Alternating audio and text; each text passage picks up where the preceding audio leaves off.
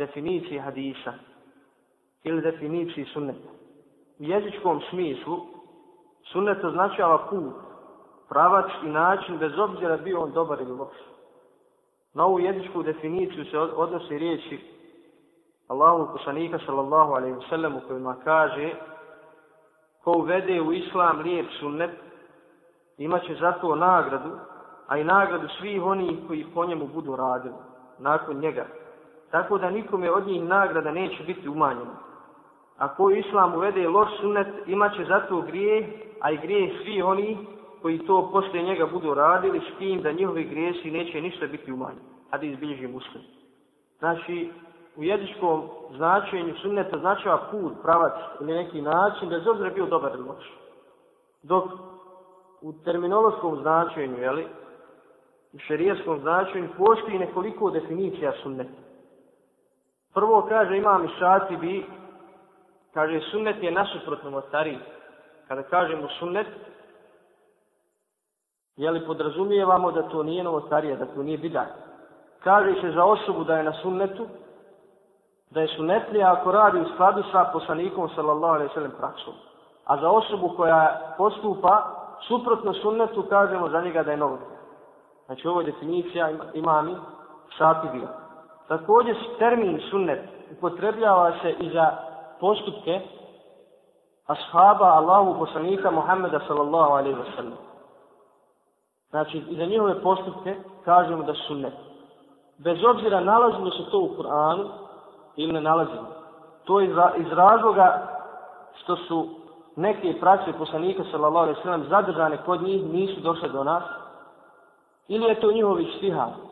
Oni koji kažu da termin sunnet uključuje i praksu ashaba radijallahu anhu, uzimaju za dokaz riječi Allahu poslanika sallallahu alaihi wa sallam alaikum bi sunneti wa sunneti bi hulefai rašidin al mahdijin min ba'di.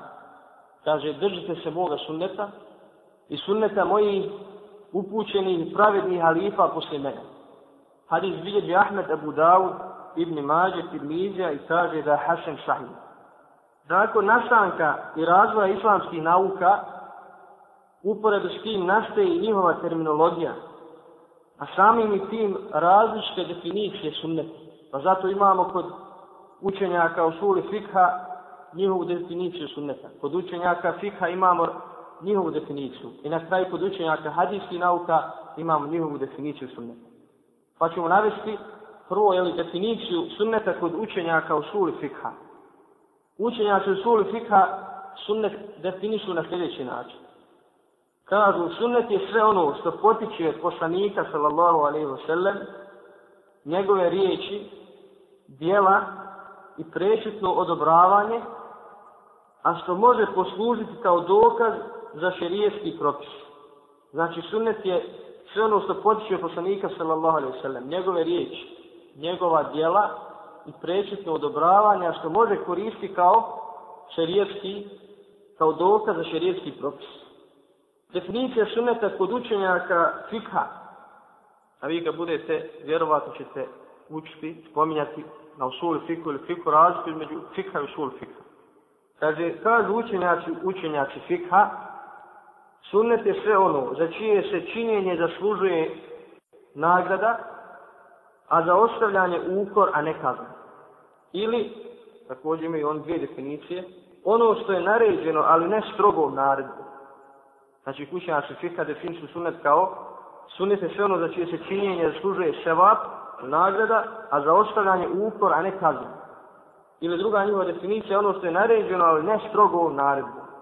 I zadnja, treća definicija je definicija učenjaka hadisa, učenjaka hadisa ili muhadisa, koji kažu da je sunnet sve ono što je preneseno od poslanika, sallallahu alaihi wa sallam, njegove riječi, praksa, prečutno odobravanje, moralno-etičke osobenosti ili životopis koji obuhvata njegov život prije i poslije poslanstva. Znači, kod učenjaka hadisa, sunnet je sve ono što, što je preneseno od poslanika, sallallahu alaihi sallam, njegove riječi, praksa, prečutno odobravanje, moralno-etičke osobenosti ili životopis koji obuhvata njegov život prije i poslije poslanstva.